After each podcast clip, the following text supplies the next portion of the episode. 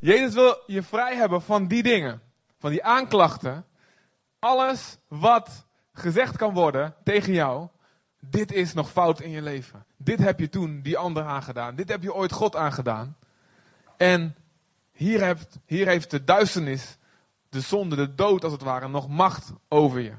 De Bijbel zegt dat als je zondigt, dan ben je een slaaf van de zonde. Je kan er niks aan doen. Je kan, als het ware, je bent, je, bent, je bent gevangen genomen. Je moet de zonde dienen. Je moet dingen doen die je eigenlijk diep van binnen niet wil. Eigenlijk waarvan je weet, die zijn niet oké. Om ermee te kunnen leven, doen we, dat, doen we dat. Wat we allemaal doen om ermee te kunnen leven, is we verzinnen smoesjes, excuses van hierom is het oké. Want ik kan er niks aan doen. Dus het zal wel oké zijn, want die doet het ook. Het is niet zo erg vergeleken met dit. Ach ja, hij begon, weet je wel. We hebben allemaal redenen om het goed te praten. Want anders kun je niet met jezelf leven. Anders is het moeilijk om, ja, de hele dag, oh man, ik ben zo verrot. Dat, dus we verzinnen een manier om ermee te kunnen leven. We praten het goed. Maar dat zorgt niet voor dat, het, dat er echt een oplossing is. En wat we net gezien hebben, is Jezus wil ruilen. Amen. Jezus wil die aanklachten, al onze fouten, wil die ruilen voor zijn liefde, voor zijn vergeving, voor zijn blijdschap, voor zijn genezing. En dan wil je totaal vrij maken. Totaal vrij van alles wat tussen hem en jou instaat. En het andere gebied, maar eigenlijk hoort het, bij, hoort het erbij. Want die eerste dingen die hebben invloed op jouw eeuwige bestemming. God zegt, er komt een dag dat iedereen voor Gods troon komt te staan. En dat iedereen verantwoording moet afleggen aan God van wat je gedaan hebt in je leven. De Bijbel zegt ook, niemand zal er kunnen zeggen, ja, ik ben onschuldig, ik heb nooit wat verkeerd gedaan. Daarom geeft God ons de kans om te ruilen. Jezus stierf voor ons. En in plaats van dat wij dood moesten, is hij dood gegaan. In plaats van dat wij ver bij God vandaan moesten blijven, in, in de eeuwigheid lang zelfs, is Jezus ver bij God weg geweest. Hij zei, Vader God, waarom heeft u mij verlaten?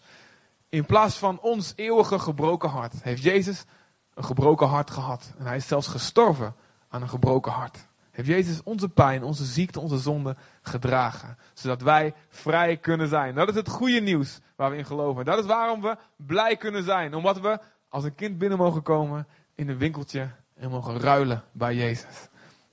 Jezus wil ons daarvan vrijmaken. Maar als je op een andere manier naar zou kijken. Het gaat, Jezus, gaat niet, Jezus niet alleen om de eeuwigheid. Het gaat Jezus ook om dit leven. Want er kunnen dingen gebeuren in dit leven. Dingen met jou gebeuren. Dingen jou aangedaan worden. Waardoor je kapot van binnen raakt. Waardoor je misschien niet lichamelijk ziek bent, maar wel emotioneel in je gevoelens of in je gedachten ziek bent geworden. Het kan uiteindelijk ook weer leiden dat je in je lichaam weer ziek wordt. Hè? Dat heet met een moeilijk woord uh, dat kan psychosomatisch zijn, maar dat kan ook echte, er kunnen ook ziektes zijn die, die echt tot de dood leiden. Serieuze ziektes. Want je geest en je lichaam, het is een eenheid. Je ziel, je geest en je lichaam is een eenheid in Gods ogen. En ook in dat gebied, het gebied van het hier en van het nu, wil God jou en mij vrijmaken. Ik wil een psalm lezen, psalm 79. Psalm 79. En ik zal je vast, terwijl je het opzoekt, Psalm 79.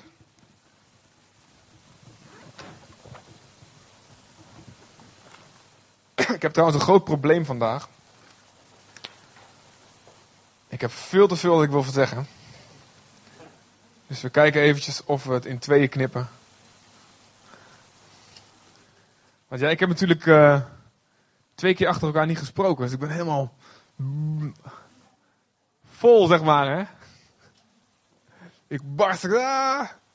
Want, want thuis, ja, als ik thuis ook nog begin, begin te preken, dan wordt het helemaal gek. Dus ik bewaar alles hiervoor. Nee, geintje. Geintje. Ze heeft ook innerlijke genezing nodig. Plat gepreekt door haar man. Nee, maar zij, preekt, uh, zij kan beter preken als ik. Dus, als zij tegen mij preekt, is het een stuk effectiever.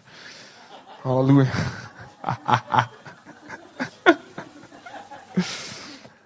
Psalm 79 er staat boven een psalm van Asaf. Um, nou, die leest in de tijd van David. Maar dit wil eigenlijk zeggen, uh, dit komt uit de school van de, de, de discipelen van Asaf. Asaf was een zanger, hij profeteerde, terwijl hij aan het spelen was, profeteerde hij.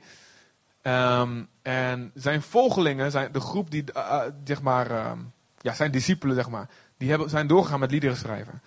En dit, deze psalm is geschreven uh, een aantal honderd jaar later, honderd jaar later, aantal honderd jaar later, toen Jeruzalem verwoest was door de Babyloniërs. Klein stukje geschiedenis kunnen jullie wel hebben, denk ik. Um, na David en na Salomo begint uh, de, het volk van Israël af te glijden. Beginnen ze uh, de, de ware God aan de kant te schuiven. Het woord wat God ze gegeven had aan de kant te schuiven. En gaan ze andere goden volgen. Uh, beelden van dieren gaan ze aanbidden. Beelden, allerlei vruchtbaarheidssymbolen. Waarvan ik, ja, dat kan ik niet zeggen met mensen onder de 18 erbij. Uh, gaan ze aanbidden. In ieder geval, de de, het gaat ontzettend mis. Ze gaan hun kinderen offeren en door het vuur laten lopen. Um, en allerlei praktijken komen binnen waarvan God heeft gezegd: Dit wil ik niet voor jullie. Ik wil een ander leven voor jullie. Ik wil dat jullie anders zijn dan andere volken. En toch, door de druk van de volken om ze heen, dat ze niet dicht bij God blijven, beginnen ze te worden net als die andere volken. En God stuurt profeten van jongens, bekeer hiervan, kap hiermee. En af, soms komt er een golf en dan keren ze weer terug naar God. Maar over de grote lijn is dat ze zich af blijven keren en dat ze weggaan, steeds verder wegkomen van God. En uiteindelijk zegt God, zoals hij al aangekondigd heeft door Mozes, jongens, als jullie echt niet um, doen wat ik van jullie zeg, wat ik van jullie vraag, dan kan ik jullie niet langer beschermen. Nou, in ons leven is het soms ook zo. Hè? God, als je een kind van God bent, God die wil je beschermen. Maar als je door blijft gaan met precies het tegenovergestelde doen van wat hij van je vraagt. En God die roept je zegt, kom op, hé, dan moet je mee kappen, dan moet je veranderen. Maar je blijft bewust zeggen, nee, ik wil het niet. Dan kan God op een gegeven moment jou niet meer beschermen. Want je loopt zelf onder die bescherming vandaan. Maar dat betekent niet dat God je totaal vergeet en loslaat. Want God blijft dan nog steeds met jou bezig. Dat is het mooie van God. Daarom is God genadig. Terwijl we het al lang niet meer verdienen, hij blijft doorgaan. Er als wij niet meer trouw zijn, God blijft trouw. Want hij kan zichzelf niet verloochenen. Dus God zal, blijven aan je, zal aan je blijven trekken totdat je weer je omkeert naar de goede weg, de goede keuzes gaat maken. Nou, dit was het geval. Dus omdat Israël helemaal God aan de kant geschoven had, um, kon God ze niet langer beschermen. En wat gebeurt er? De eerstkomende Assyriërs, en die nemen, nemen het grootste deel van de tien stammen, tien van de twaalf stammen, deporteren ze. Die sturen ze naar een ander land. En daar hoor je vervolgens ook heel weinig meer over in de geschiedenis. En de twee stammen die overblijven, die worden een aantal jaar later ook uiteindelijk uh, weggevoerd naar Babylon, het huidige Irak. En daar leven ze als vreemdelingen voor rond de 70 jaar. en de tempel van God wordt kapot gemaakt. Wauw, en dat was schokkend. Het was niet zo alsof het is niet te vergelijken met alsof hier, zeg maar, in Zutphen en de Arnhemmers die komen eraan en, of die, de, en die, uh, die maken de Walburgtoren kapot of zo. Dat is ook natuurlijk heel erg. Maar het was nog veel erger dan dat. Gods aanwezigheid woonde daarin. Het was geheiligd. En het was voor hun het teken God is met ons. En dat in één keer. In één keer was, het, was dat beeld van God is met ons en niks kan ons overkomen, was ook kapot gemaakt. En, die, en in Psalm 79 zie je dat. En dan staat er in de eerste vers: O God, heidenen, andere volken, zijn uw erfdeel, hè, het volk, het land, de stad, Jeruzalem, uw erfdeel binnengedrongen. Ze hebben uw heilige tempel ontwijd en ze hebben Jeruzalem tot puinhopen gemaakt. Ze hebben de lijken van uw knechten gegeven tot voedsel aan de vogels van de hemel. En het vlees van uw gunstgenoten hebben ze gegeven aan de dieren van het veld. Zij, dus de vijanden, hebben hun bloed als water vergroten rondom Jeruzalem. En er was niemand die begroef. Zo, zo'n paniek was er. De lijken werden niet eens begraven. En we zijn voor onze naburen zijn we tot smaad geworden. En voor hun die ons omringen tot spot en tot hoon. En dan zegt deze schrijver, hoe lang nog, o Heer? Zult u voortdurend toornen, zult u altijd boos op ons blijven? En zal uw naijver, uw jaloersheid, uw boosheid om wat wij gedaan hebben, zal het altijd blijven branden als een vuur. Dus ze waren in een vreemd land, in een ander land. Alles was kapot. Stel je voor, je huis is kapot. Familieleden zijn vermoord. De, in de tempel van God, waar jij je hoop op stelde, is kapot. Alles is kapot. Je woont ergens. wat ik zei, de Arnhemmers komen hier binnen, verwoesten je al je huizen, vermoorden familieleden. Of ja, de Deventenaren, zo je wil. Maar ja, dan, ben ik, dan hoor ik een beetje bij de vijand. Dus dat doen we maar niet. En die deporteren je naar de Noordoostpolder.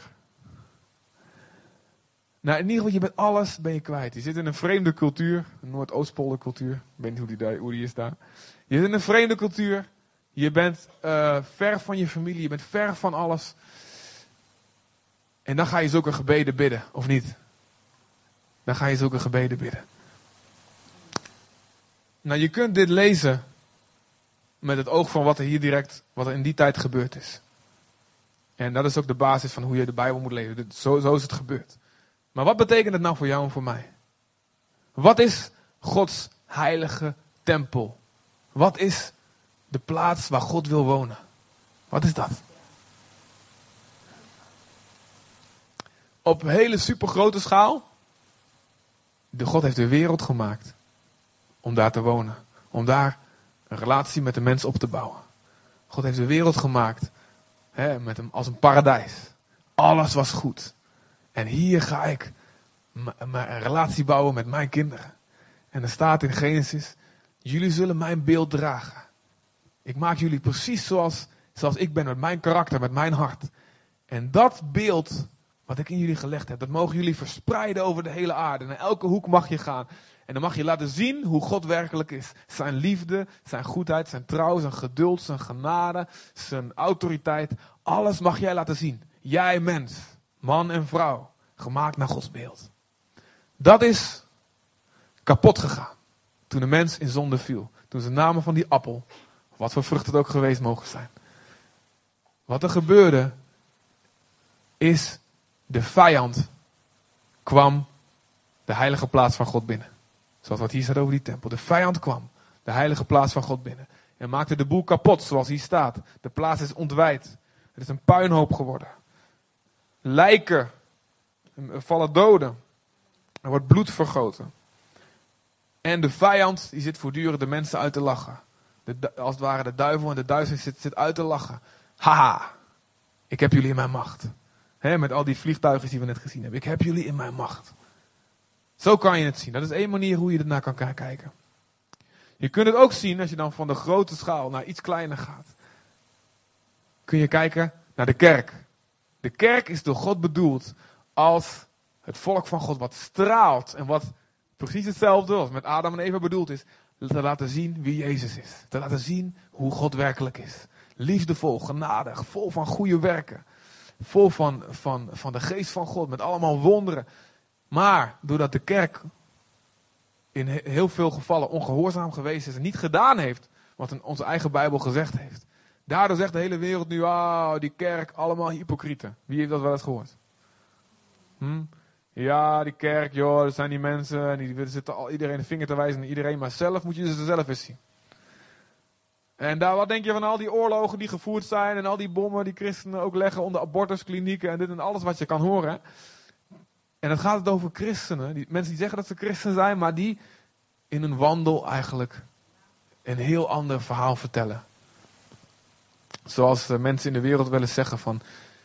Ik kan, of dat is wel eens een uitspraak gehoord van ja ik kan niet verstaan wat je zegt, want wat je doet spreekt veel te hard in mijn oren.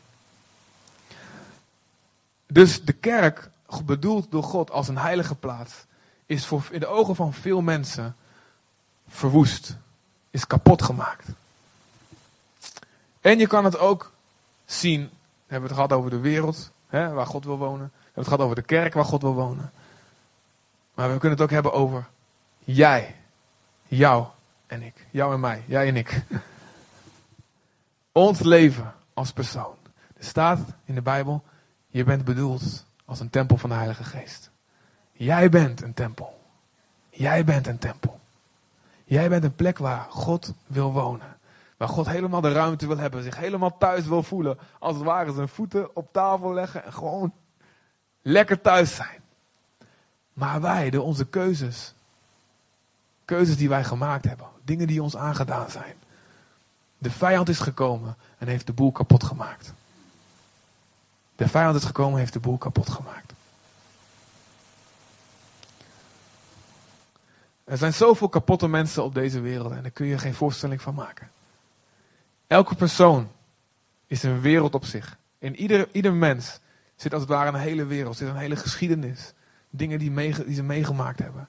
Dingen die ze aangedaan zijn en die ze anderen hebben aangedaan. Een wandel, een plek, plekken waar ze gewoond hebben, mensen die ze gekend hebben, dingen die je beïnvloed hebben. En daarom vind ik het altijd zo geweldig interessant om te weten wie, wie iemand is. Ik, um, ik bijvoorbeeld, uh, ik vind het wel grappig, uh, die show van uh, Rijman is laat. Nou, niet alles is oké daarin. Dus ik maak hier geen aanbeveling van. Dan moet je allemaal kijken. Soms is het wel grappig. En dan heb je zo'n tante S, een Surinaamse tante. En die zegt, "Ik vertel me, wie is jouw vader en wie is jouw moeder? Dat zegt heel veel over mensen. Waar kom je vandaan? Wie is je vader? Wie is je moeder? Wie is je opa? Wie is je oma? Ik heb um, even een eitje met Bert zitten wandelen in het bos vrijdag. En um, gewoon niet over gemeentezaken, maar gewoon, hé, hey, wie is je opa, wie is je oma, waar kom je vandaan? Dat was heel interessant, hè. Natuurlijk waren dat allemaal boeren, hè. en uh, die van bij mijn kant zitten er ook wel wat, uh, wat agrarisch uh, tussen. Um, maar het is zo interessant om te weten waar mensen vandaan komen. En, en, en als je van mensen houdt, dan is het ook. Dan hou je als goed is ook van die verhalen die erachter zitten. Wie heeft jou gemaakt tot wie je bent? Wat heb je meegekregen? Positieve dingen, negatieve dingen. Nou, als je die wereld begint te ontdekken, dan kom je erachter dat er maar heel weinig mensen zijn die geen littekens hebben opgelopen. Of niet? Ik denk dat, dat, je, dat heel veel in hun eigen leven dit, herkennen. Ja man, ik zit vol littekens. Als je zou weten hoe ik hier zit. Als je zou weten wat voor levensverhaal ik met me meedraag. Als je zou weten wat, wat, wat, ik heb, wat mijn ogen hebben gezien, wat mijn oren hebben gehoord. Als je zou weten de pijlen die de vijand in mijn hart heeft doen binnendringen. Als je zou weten de tranen die ik gehuild heb. Als je zou weten waar ik nu nog steeds elke dag bang voor ben. Als je zou weten hoe ik hier sta, misschien met mijn handen omhoog, maar weet je hoeveel het mij kost om mijn handen omhoog te heffen? Weet je hoeveel het mij kost om hier te komen alleen al? Weet je hoeveel het mij kost om mijn kinderen goed te behandelen? Weet je hoeveel het mij kost om geduld te hebben? Want wat ik gezien heb, wat ik meegemaakt heb, gaat alle perken te buiten. Als je zou weten hoe je buurman hier zit, hoe je buurvrouw hier zit, hoe misschien iemand hier op het podium staat en alles wat daarmee gebeurd is. Zouden we, nou ten eerste zouden we veel meer de ander gaan begrijpen. Waarom hij zo raar doet af en toe. Hè? God ziet alles. Weet je, er staat, in de Bijbel staat, dat God al onze omzwervingen in een boek heeft opgeschreven. Er staat dat God al onze tranen in een kruik bewaart. Er staat dat God ons al kent van voor, voordat wij, en voor de grondlegging van de wereld maar ook voordat we geboren worden. Dat, dat, dat, dat de, hoe wij gevormd zijn in de baarmoeder van onze moeder. Dat God daarbij was, dat God dat gezien heeft. En hij had er geen echo, mammografie, nee, echografie. Oh, dat is iets anders. Sorry. Sorry dames. Echografie. Je had er geen 3D pret-echo voor nodig. Om te zien hoe jij eruit zag en hoe het met jou ging. En hé, hij was net zo betrokken bij je ouders, bij je grootouders, ook al kenden ze God absoluut niet. Hij was net zo betrokken. Want God is een God aan wie niks ontgaat. En er staat dat al de haren op je hoofd geteld zijn. Wauw. Nou, voor sommigen is dat moeilijker als voor anderen. Voor anderen is het heel makkelijk om je haren te tellen. Drie, zoals bij Lambiek. Hè? Of wat het er drie links en drie rechts. Maar God kent jou van voren en van achter. Hij heeft je lief met alles wat je hebt en wat je bent.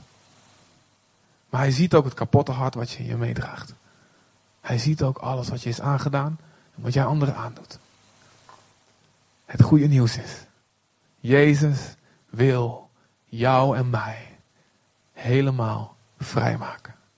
Hij die de zoon bevrijdt, is waarlijk vrij. Is echt vrij. Niet vrij, ja ik weet ik ben vrij in de geest, maar de rest, oeh, ik wacht maar dat Jezus terugkomt. Want uh, daar komt nooit meer goed. Ja, ja, mijn zonden zijn vergeven, ik weet het, ik, maar voor de rest, ik ben al verknald, ik ben al verpest. Ik ben te ver heen om door God gered te kunnen worden in dat opzicht. Ik heb zoveel ballast meegekregen, ik heb zulke slechte voorbeelden gehad. Jongens, dat, uh, dat gaat niet goed komen.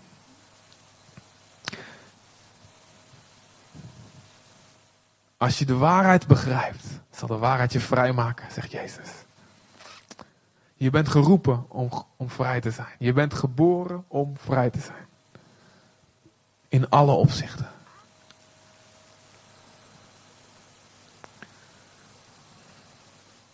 Ik kom zo verder op deze psalm. Maar ik wil even kijken naar Ezekiel 18. Ezekiel 18. Ik wil je voorstellen aan mijn nieuwe vriend. Hij heet Willy Brort.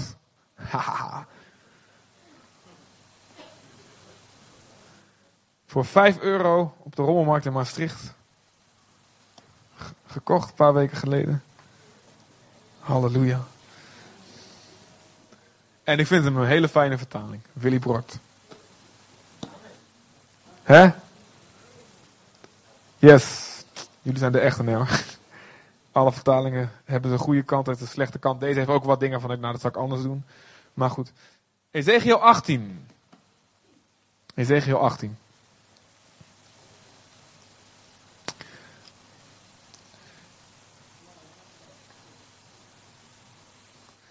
Ezekiel 18. Het woord van de Heer, ik begin in vers 1. Het woord van de Heer werd tot mij gericht. Hoe komt u erbij om in het land van Israël dit spreekwoord te gebruiken? De vaders hebben onrijpe druiven gegeten en de tanden van de kinderen zijn er stroef van. Zo waar ik leef, God sprak van de Heere God. Niemand in Israël zal dit spreekwoord nog ooit mogen gebruiken. dit hoofdstuk gaat verder, ik zal er nog meer stukjes uitlezen. Maar eigenlijk wat ze zeggen. Mijn vader heeft gezondigd en ik zit met de gebakken peren. Mijn vader heeft onrijpe druiven gegeten, mijn moeder, mijn ouders, mijn grootouders. En ik heb er last van. Ik heb, wat staat er? Stroeve tanden. God wil geen stroeve tanden voor jou. Wat jouw vader en wat je moeder, wat je opa en wat je oma ook gedaan hebben. God wil geen stroeve tanden voor jou. Zij zeiden in die tijd, ja, mijn ouders, onze voorouders hebben gezondigd, hebben de afgoden aanbeden. Daarom zitten wij hier in Babylon. Daarom zitten wij ver weg. Dankjewel man. Je loon zal je niet ontgaan. Een beker koud water geeft, je loon zal niet ontgaan. Dus het mag ook geen warm water zijn. Hè? Anders dan telt hij weer niet.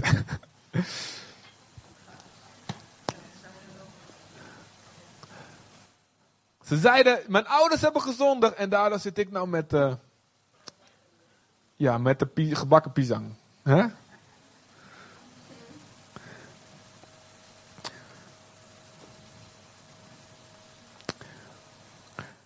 En dan gaat Ezekiel gaat verder in deze stukjes. In dit hoofdstuk. En dan, um, het is een beetje lang om voor te lezen, maar je zou thuis kunnen nalezen.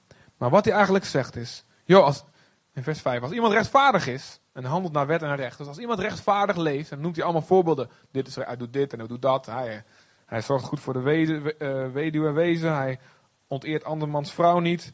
Hij uh, aanbidt de afgoden niet. Hij verdrukt niemand. Nou, dan zal deze rechtvaardige in leven blijven. Maar krijgt hij een zoon die gewelddadig is, bloed vergiet en deze dingen die hij zelf nooit gedaan heeft, helaas wel doet, Zou dan die zoon in leven blijven, omdat zijn vader goed bezig was? Nee, staat er. Vanwege al die gruweldaden zal hij zeker te dood gebracht worden en zijn bloed zal op hemzelf neerkomen. Maar krijgt die op zijn beurt weer een zoon, die al het kwaad ziet dat zijn vader doet, maar desondanks dat slechte voorbeeld niet navolgt, en dan weer een hele lijst aan dingen die hij dan niet doet, waar hij rechtvaardig, rechtvaardig in leeft, dan zal die zoon zeker niet sterven vanwege de ongerechtigheid van zijn vader. Dus om de zonde van zijn vader zal hij niet sterven. Hij zal zeker in leven blijven. En spreek hier ook over het geestelijke leven. De, je geestelijke leven, dat, dat uh, is, kan iets anders zijn dan je natuurlijke leven. Want er zijn zondaars, slechte mensen, mensen die de hele boel uh, om hun heen verzieken. Het voorbeeld wat ik vaak gebruik, een, een, een, een keiharde, meedogenloze drugsdealer die zijn leven lang mensen kapot maakt en er zelf rijk van wordt. En die rustig op zijn negentigste in zijn slaap overlijdt in zijn villa met zwembad en uh, jaguars voor de deur. Nooit gepakt wordt. Dus het gaat over je geestelijke leven. Want God uiteindelijk zal dat geestelijke leven afsnijden. Maar als je niet, als je niet langer met God verbonden bent, wat in de eeuwigheid zal gebeuren.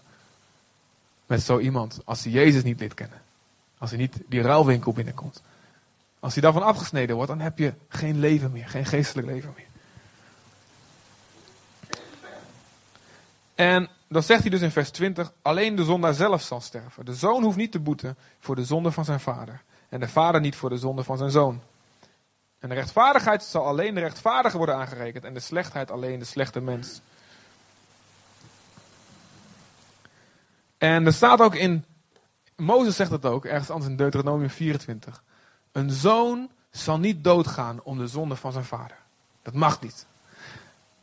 En een vader ook niet om de zonde van zijn zoon. En dit spreekt voor mij van een geestelijke wet. Iets wat God wil, diep in zijn hart.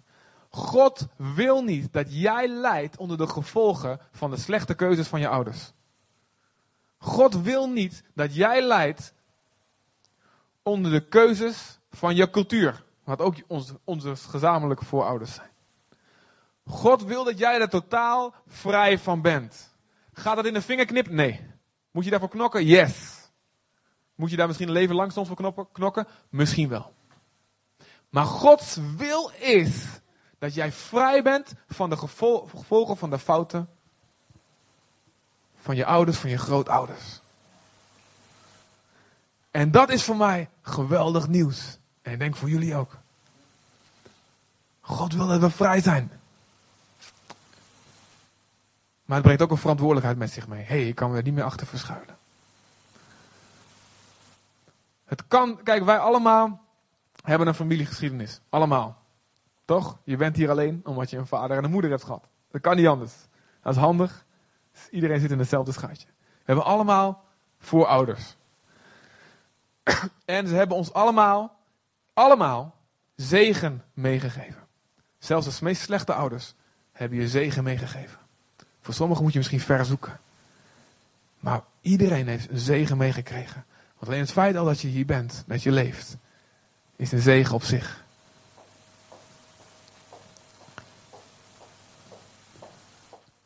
Maar we hebben ook dingen meegekregen die geen zegen zijn. Dingen meegekregen die ons kwaad gedaan hebben. Die ons misschien nog steeds kwaad doen. Dat kunnen zijn directe, bewuste zonden die je ouders of grootouders of voorouders gedaan hebben. Kunnen bewuste zonden zijn. Maar er kunnen ook dingen zijn die misschien niet per se echt zonde, bewuste, bewuste daden tegen jou zijn gericht. Maar er kunnen ook dingen zijn die gewoon ongezond zijn. Ongezonde manieren om naar het leven te kijken. Ongezonde manieren met relaties om te gaan. Ongezonde patronen om keuzes te maken. Ongezonde levenspatronen. En die dingen die kunnen van, zo van invloed zijn op de kwaliteit van jouw leven. En vaak zijn we er niet bewust van. Ik geloof de meerderheid van de dingen zijn we ons niet bewust van. En daarom leven we ons leven um, vaak heel vaak begrensd door hoe we opgevoed zijn, door wat we meegekregen hebben. Zonder te weten dat er meer is. Zonder te weten dat er een andere manier is van kijken naar het leven. Ik zal wat voorbeeldjes noemen. Kijk, als je ouders fouten maken. En let op, ik ga nou een aantal dingen noemen. Ik wil niet zo lijken dat ik. Uh, ik ben, de Bijbel is heel duidelijk. En ik ben ook heel duidelijk daarin. Eer je vader en je moeder. Amen. Zodat je, zodat je goed gaat, zodat je lang leven zal hebben op de aarde. Het is heel belangrijk.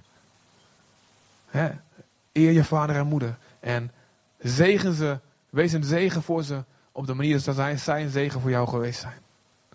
Hoe meer ze je nodig hebben, hoe ouder ze worden, hoe meer ze je nodig hebben, wees een zegen voor ze.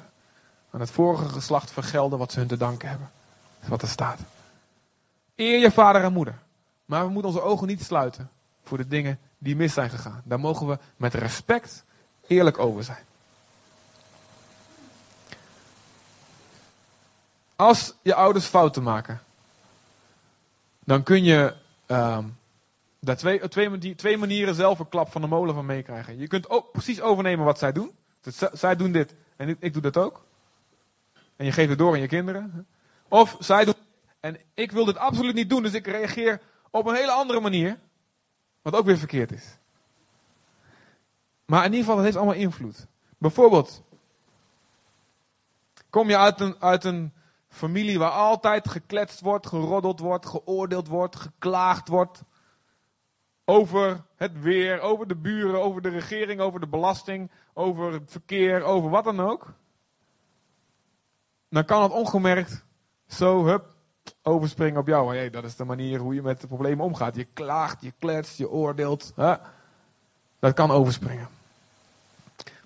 Of je hebt een moeder gehad. Ik noem zomaar wat voorbeeldjes. En iedereen kan zijn eigen familie misschien wel andere dingen herkennen. Je moeder is ontzettend bang. Of zenuwachtig aangelegd. Het is altijd bang. Oh, pas op. En, en, en oh, dit kan gebeuren. En dit kan gebeuren. En oh.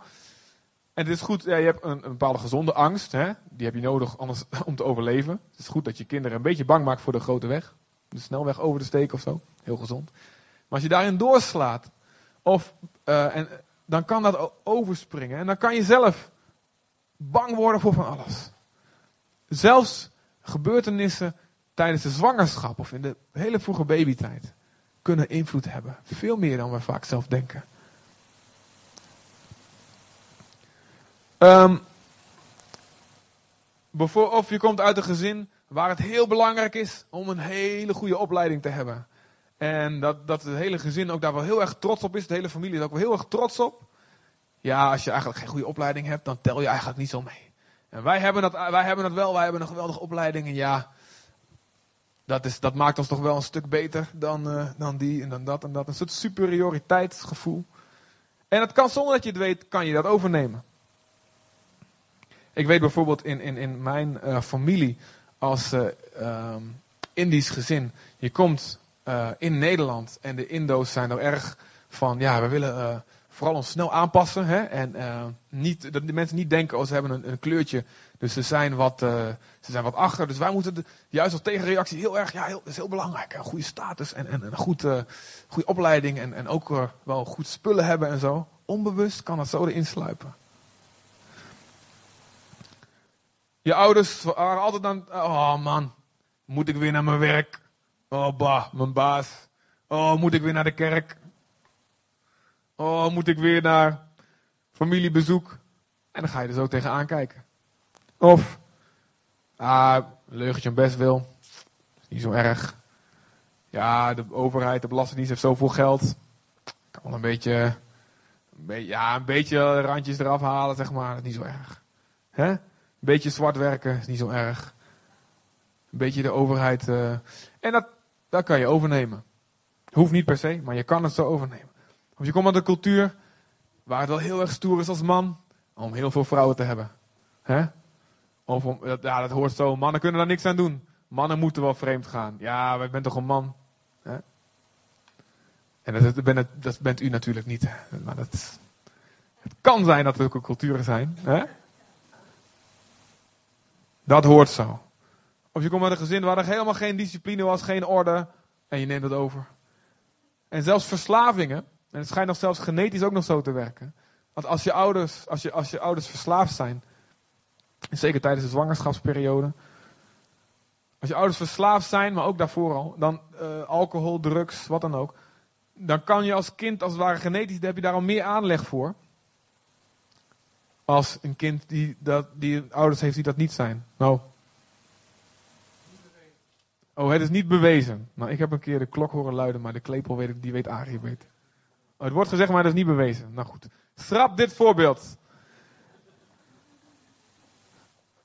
Maar ik ken genoeg gevallen van, niet dat in ieder geval de invloed hier werkt, geestelijk, van joh, ouders verslaafd, kinderen ook verslaafd. Dus je kan het overnemen, de zonde of de ongezonde patronen. Maar of je, je kan ook juist een beschermingspatroon opbouwen ertegen. Een afkeer. Bijvoorbeeld, of, of, een, of een andere manier van bescherming. stel je, je bent mishandeld. Of je ouders waren heel onvoorspelbaar. Je wist nooit de ene dag het goed, de andere dag het slecht. De ene dag zijn ze zomaar boos, de andere dag zijn ze heel, heel erg blij. Of je heel, bent heel veel verhuisd in je leven. Of een van je ouders is er vandoor gegaan. Of wat dan ook. In ieder geval, er was geen veiligheid, er was geen geborgenheid. Hm? Of wat? Of allemaal tegelijk. ja, dat gebeurt. Je voelt dan de gevoel wat je als kind hoort te hebben van veiligheid, van geborgenheid. Van hé, hey, wat er ook gebeurt, mijn papa, mijn mama, die zijn er altijd voor me. Ik weet dat ik altijd thuis kan komen. Mag ik het voorbeeldje gebruiken vertellen van een hotel, dat we een ooit bijpraten? Dat waar we om moeten we moeten lachen. We waren, uh, Nathalie en ik waren in, uh, in een hotel, zoals we wisten, uh, voor een weekendje een mooie aanbieding gevonden in Maastricht. Want ze was jarig twee weken geleden. En we zaten bij het ontbijt en uh, we zaten voor de, voor de gein te tellen. Goh, hoeveel verschillende scholen heb je opgezeten? En uh, Nathalie begon te tellen. Nou, die, 1, 2, die. Uiteindelijk waren het er 12. En dan heeft ze nog niet meegerekend. Sommige scholen heeft ze twee keer opgezeten, zeg maar. Dus dat had ze nog niet, niet meegerekend. Dat echt heel erg lang. Oh ja, 1, 2, ja. Die, oh ja, die, die er net aan, aan het einde waren we uit 12 verschillende scholen gezeten in haar leven. En toen ging ik tellen. Kijk hoor. Basisschool. In Olst, middelbare school in Deventer. Uh, Universiteit in Nijmegen. Drie! en ik heb, voor mij is het bijvoorbeeld een, een vanzelfsprekend van, ja, stabiliteit, geborgenheid, veiligheid. Ja, en ik weet nu nog steeds, goh, ik, ik, kan, ik kan zo, uh, ja, met mijn ouders, dat is stabiel. Maar iemand met twaalf verschillende scholen en dan ook nog een keer één, twee keer geëmigreerd. En verhuizingen, dat hebben, daar hebben we dan nog niet over, dat is nog wel wat meer rond de 1920. Voor zo iemand is het natuurlijk een heel ander verhaal. Daar kunnen jullie inkomen, denk ik. Hè? Ook de mensen die het niet meegemaakt hebben. Ik denk dat jullie snappen dat het een heel ander verhaal is. Je gevoel van veiligheid. Je gevoel van, hé, hey, ik weet dat ik altijd ergens terug kan komen. Er zijn altijd overal mensen die me kennen. Dat is heel anders. Als je echt scheiding hebt meegemaakt als kind van je ouders. Dan gaat heel veel om je kopje. Je geeft misschien jezelf de schuld. Als kind. Als je ruzies hebt gezien. Misschien niet op jou gericht, maar binnen je familie. Je hebt geweld gezien. Dat doet heel veel met je. Dat doet heel veel met je. Of zoals de oude dame in het winkeltje. Je hebt de oorlog meegemaakt. Of andere soort van dat soort geweldsituaties. Of je vader of je moeder of allebei. Die uh, zijn heel erg, die werken heel erg via je schuldgevoel. Nou, als je dit niet voor me doet, dan ben je eigenlijk uh, geen goede zoon, geen goede dochter. Ik heb zoveel voor jou gedaan. Kun je dit niet eens voor mij doen? Op andere manieren, dat ze via je schuldgevoel proberen te werken. Dan word je heel gevoelig voor, voor, voor iemand die, ja, van nou, dat, je, voelt je heel gauw schuldig. Je denkt misschien dat God ook zo is. Of je hebt ouders die zeggen, nou dat is eigenlijk nooit genoeg, goed genoeg. Je komt thuis met een rapport. En het zijn allemaal voorbeelden van, van mensen die ik, die, die ik ken, verhaal die ik gehoord heb. Je komt thuis met een rapport en je hebt een 8. En helemaal, helemaal blij en die vader zegt, nou, had ik wel een 9 gekund hè. Volgende keer komt hij thuis met een 9. Had ik wel een 9,5 gekund. En altijd en altijd zo door. Hey, dit, zijn, dit zijn echte situaties. Dit is realiteit. Wat gebeurt hier? Alleen maar presteren, presteren, presteren. Hoge verwachting, moet presteren. En dat is nooit goed genoeg. En het zal bij God ook wel nooit goed genoeg zijn. Ik moet altijd maar door en door en door. En als je ziet van ik kan er nooit aan voldoen, dan kun je weer een hele andere reactie krijgen. Weet je, ik vlucht maar weg. Ach, ik ben toch het zwarte schaap van de familie. Ik kan nooit aan de verwachtingen voldoen. Met alle gevolgen van dien. Je krijgt te veel, veel te veel verantwoordelijkheid voor je leeftijd. Je moet over zaken beslissen je hebt eigenlijk, die, die je helemaal niet wil. Je hebt geen jeugd gehad. En wat kan er gebeuren? Dat je als tegenreactie daarna helemaal loslaat. Ik wil niks meer met verantwoordelijkheid te maken hebben. En elke keer als er dingen moeten, dan je vlucht weg. Of je ouders hebben je verwend. Dat kan ook nog weer. En uh, ze leren je nooit verantwoordelijkheid te nemen. Want ze redden je altijd. Hè. Sommige mensen hebben zo de behoefte om nodig te zijn. Dan vinden ze zelf fijn. Oh, ik ben fijn dat iemand mij nodig heeft. Dat ze altijd hun kinderen blijven redden uit situaties. Zelfs als ze 40 of 50 zijn. Want oh, dan hebben ze me nog steeds nodig. Gevolg is, je leert nooit verantwoordelijkheid te nemen. Je leert nooit wat de gevolgen zijn van je eigen keuze. Want er wordt altijd ingegrepen in de wet van zaaien en oogsten. Allemaal dingen die kunnen gebeuren in je leven. Ik denk dat we allemaal wel onze eigen familie een beetje op een rijtje aan het zetten zijn in ons hoofd. Van ja, goh. En het is heel makkelijk te herkennen. Nee, nee, Bert, jij niet. Kom een pastorale sessie na de dienst al even. Wat profetisch wat dingen uh, voorschijn toveren.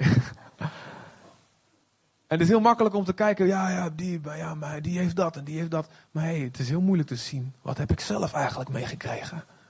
God wil dat je vrij bent. God wil dat je zonder grenzen leeft. Hey, hey, ik heb het niet over morele grenzen of wat dan ook. Hè. God wil dat je leeft en dat je leven hebt in overvloed. Amen.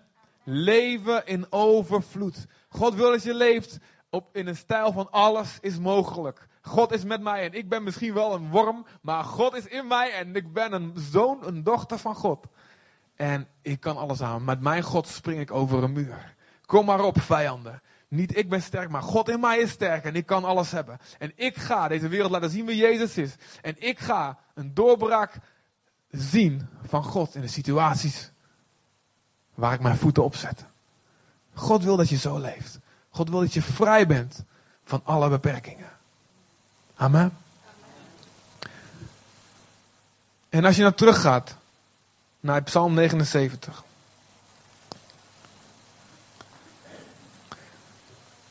Daar zegt, die psalm gaat daar verder in vers 8.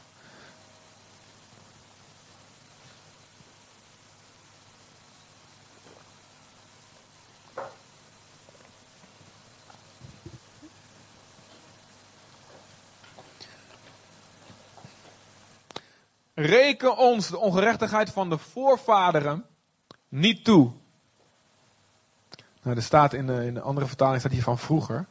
Maar de, het kan echt, het kan dus wel beide betekenen. Reken ons de, maar eigenlijk, wat de beste vertaling is, staat in de MBG. De ongerechtigheid van degenen die voor ons zijn geweest. God reken ons de zonde van mijn ouders niet toe. Nou, God wil dat ook niet. Dat hebben we al gezien. Het is niet Gods wil dat je lijdt onder de gevolgen van de keuzes van je ouders. Laat die barmhartigheid ons haastig tegemoet komen. Want we zijn zeer verzwakt. En dit is een woord voor mensen die voelen, man, ik ben zo verzwakt. Ik ben zo kapot wat mij is aangedaan. Hé, ik kom er nooit uit. Ik kan dit nooit overwinnen. Want het is mij zoveel overkomen. Ik voel me zeer verzwakt. Maar God, laat me niet lijden onder ongerechtigheid van mijn voorvaderen. Maar vers 9 is ook belangrijk. Help ons, o God van ons heil om de heerlijkheid van uw naam. Red ons en doe verzoening over onze zonde, omwille van uw naam. Er zitten twee kanten aan. Je bent een slachtoffer. Ja. Als je dingen hebt meegemaakt. Je bent een slachtoffer. Maar je bent ook een dader. En God wil je van allebei die rollen bevrijden. Zeg even tegen jezelf: Ik ben een slachtoffer. En ik ben een dader. Maar Jezus bevrijdt mij van allebei. Zodat je geen slachtoffer meer bent. En geen dader meer zult zijn. Snappen we dit? Amen. God wil niet dat je een slachtoffer bent. En hij wil niet meer dat je een dader bent. Deze twee dingen zijn belangrijk. voor een nieuw leven. Deze twee dingen zijn belangrijk voor genezing van binnen. Er zijn voorbeelden in de Bijbel van dingen die je over kan erven van je ouders. Bijvoorbeeld Abraham, die loog over Sarah, dat het een, niet zijn vrouw was, maar zijn zus. Nou was hij ook een soort halfzus. Maar zodat, zodat uit angst voor zijn eigen leven, want als ze zagen hoe mooi ze was, hé, hey, met 90 jaar, dan zouden ze hem misschien vermoorden en um, om zijn vrouw mee te nemen. Uit angst heeft hij gelogen, dat is mijn zus. Wat gebeurt er? Zijn zoon Isaac doet precies hetzelfde. Overgeleverd. Isaac heeft lievelingszoon. En dat was Esau. Van zijn moeder, van zijn vrouw Rebecca, was het Jacob. Wat gebeurt er? Na een heel verhaal met Jacob. Jacob heeft ook een lievelingszoon. En voor beide generaties betekende het moord en jaloezie en oorlog en verwijdering in relaties. Ouders, je mag nooit een lievelingskind hebben, dat weten jullie toch al wel, denk ik. Hè? Nou, dat is niet de bedoeling.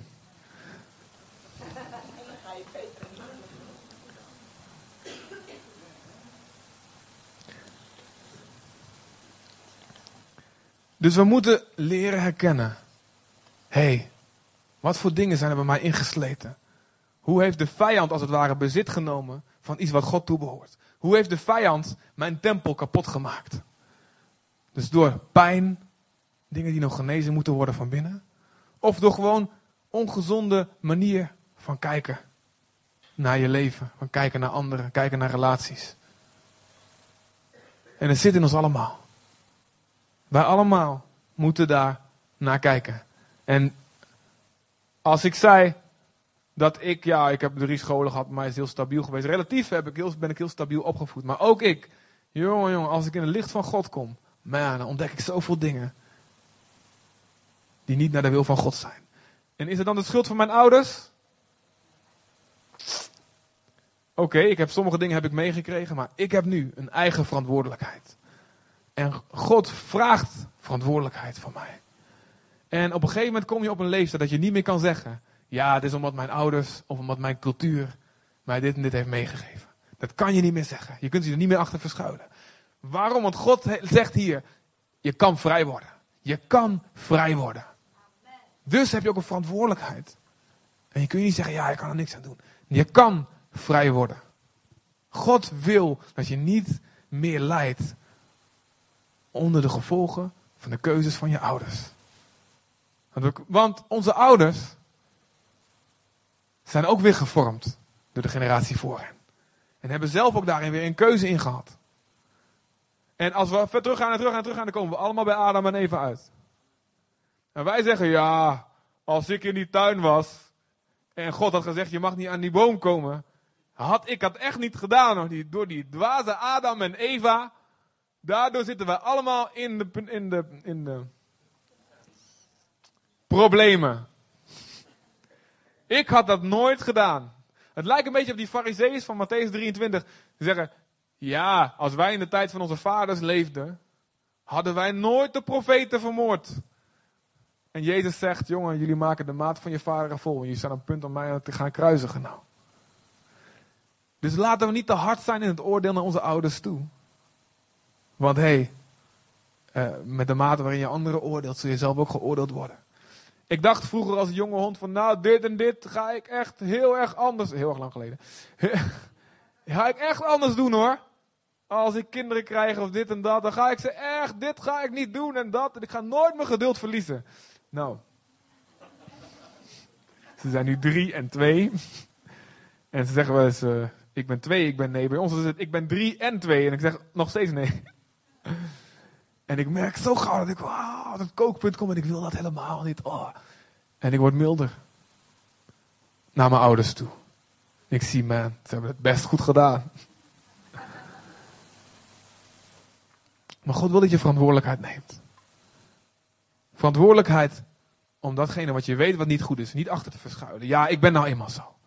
Ja, ik heb dit meegekregen, ik kan er niks aan doen. Dit is nou eenmaal mijn cultuur. Dit is nou eenmaal bij ons in de familie, doen we dat zo. Daar kun je niet meer achter verschuilen. En ook heb je verantwoordelijkheid om je leven, als je dingen nog niet weet, in het licht van God te stellen. Zeg, Heer, laat me zien. waarin ik u begrens. Waarin, ik, waarin u nog niet ruimte kan krijgen. Jezus wil je vrijmaken.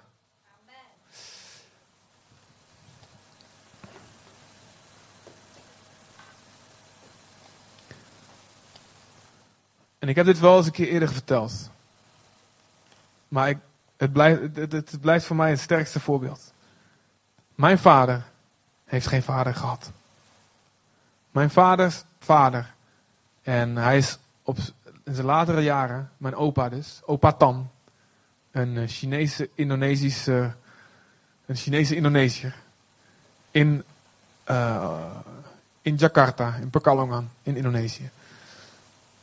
En op zijn laatste jaar is hij tot bekering gekomen. Maar hij heeft een leven geleid van behoorlijk wat leugenachtigheid. Hij heeft een paar keer de hele boel vergokt. Dat heb ik dan van verhalen die ik van mijn oma allemaal hoor.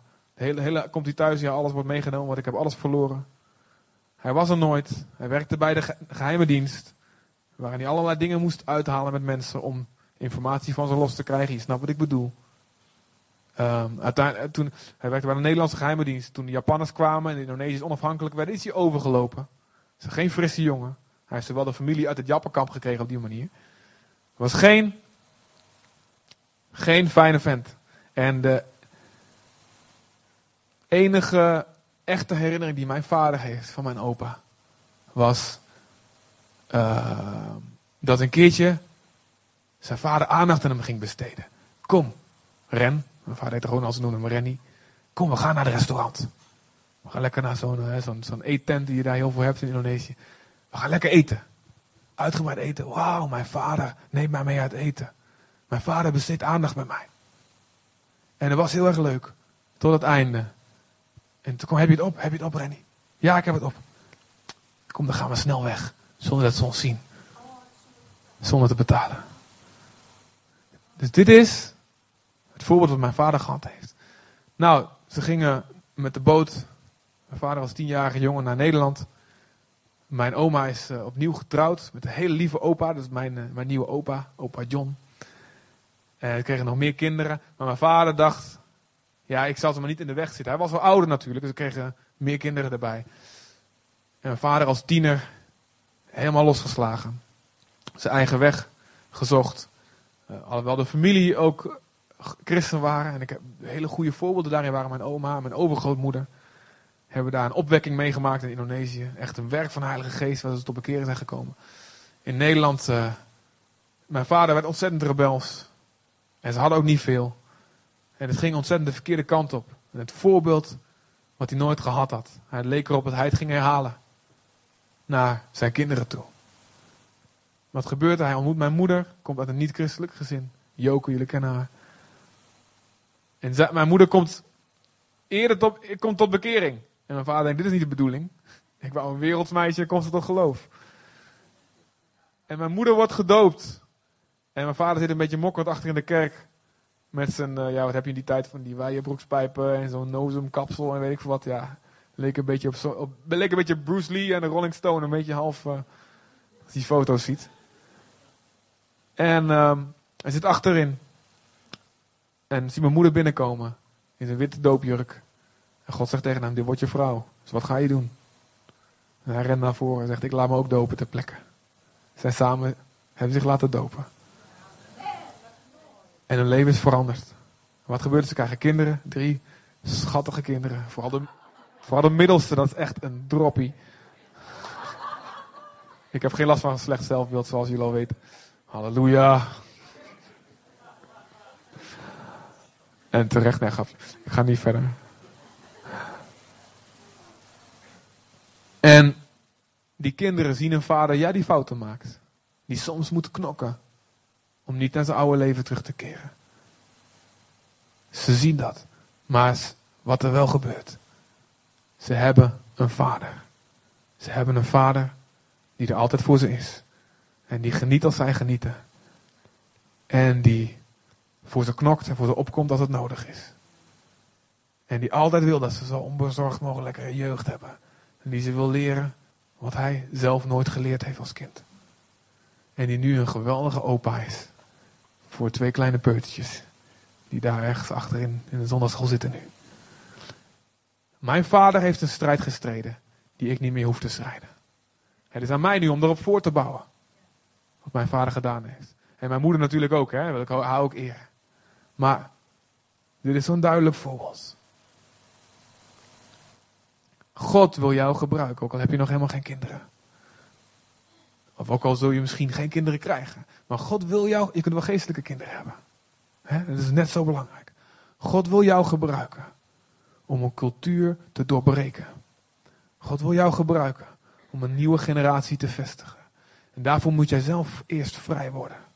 Moet jij, moeten, moeten wij zelf eerst vrij worden van wat aan ons doorgegeven is.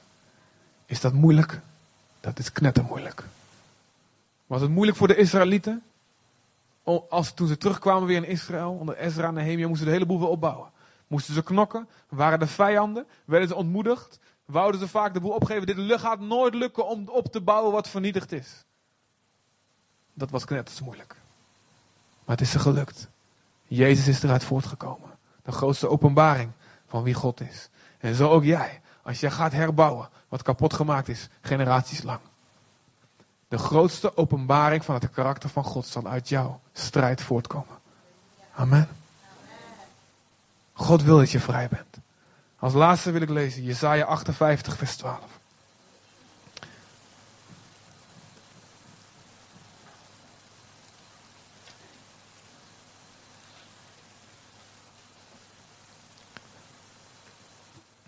Dit is een belofte voor hen die God gehoorzamen.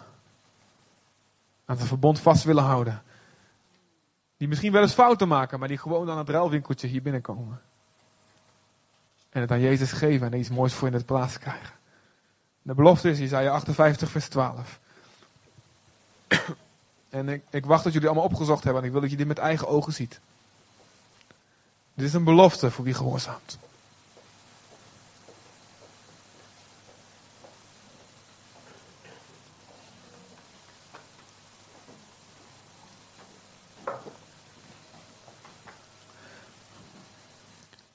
En de uwen.